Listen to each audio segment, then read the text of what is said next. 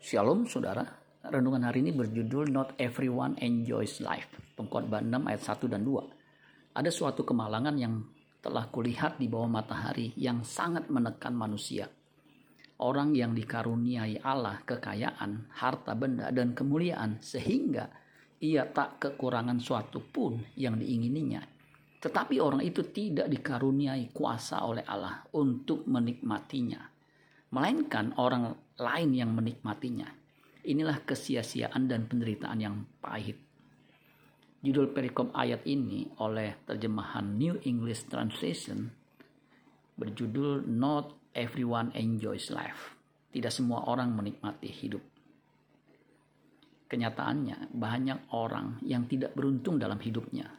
Mereka hidup susah, serba kekurangan.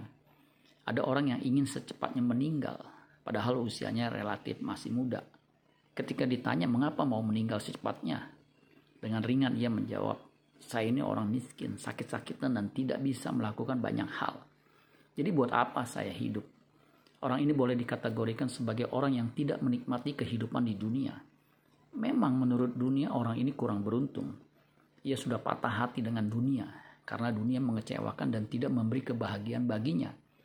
Tetapi kalau ia ada di dalam Tuhan, meskipun sepanjang hidupnya ia tidak mendapatkan apa-apa, ia akan mendapatkan Tuhan di kekekalan. Ia akan menikmati rumah Bapa yang kekal. Yohanes 14 ayat 1 sampai 3. Janganlah gelisah hatimu, percayalah kepada Allah dan percayalah juga kepadaku. Di rumah Bapakku banyak tempat tinggal. Jika tidak demikian tentu aku mengatakannya kepadamu.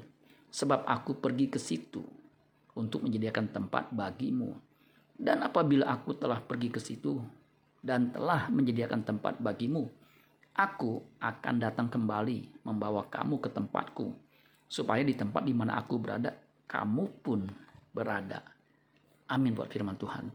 Tuhan Yesus memberkati. Sholat Gracia.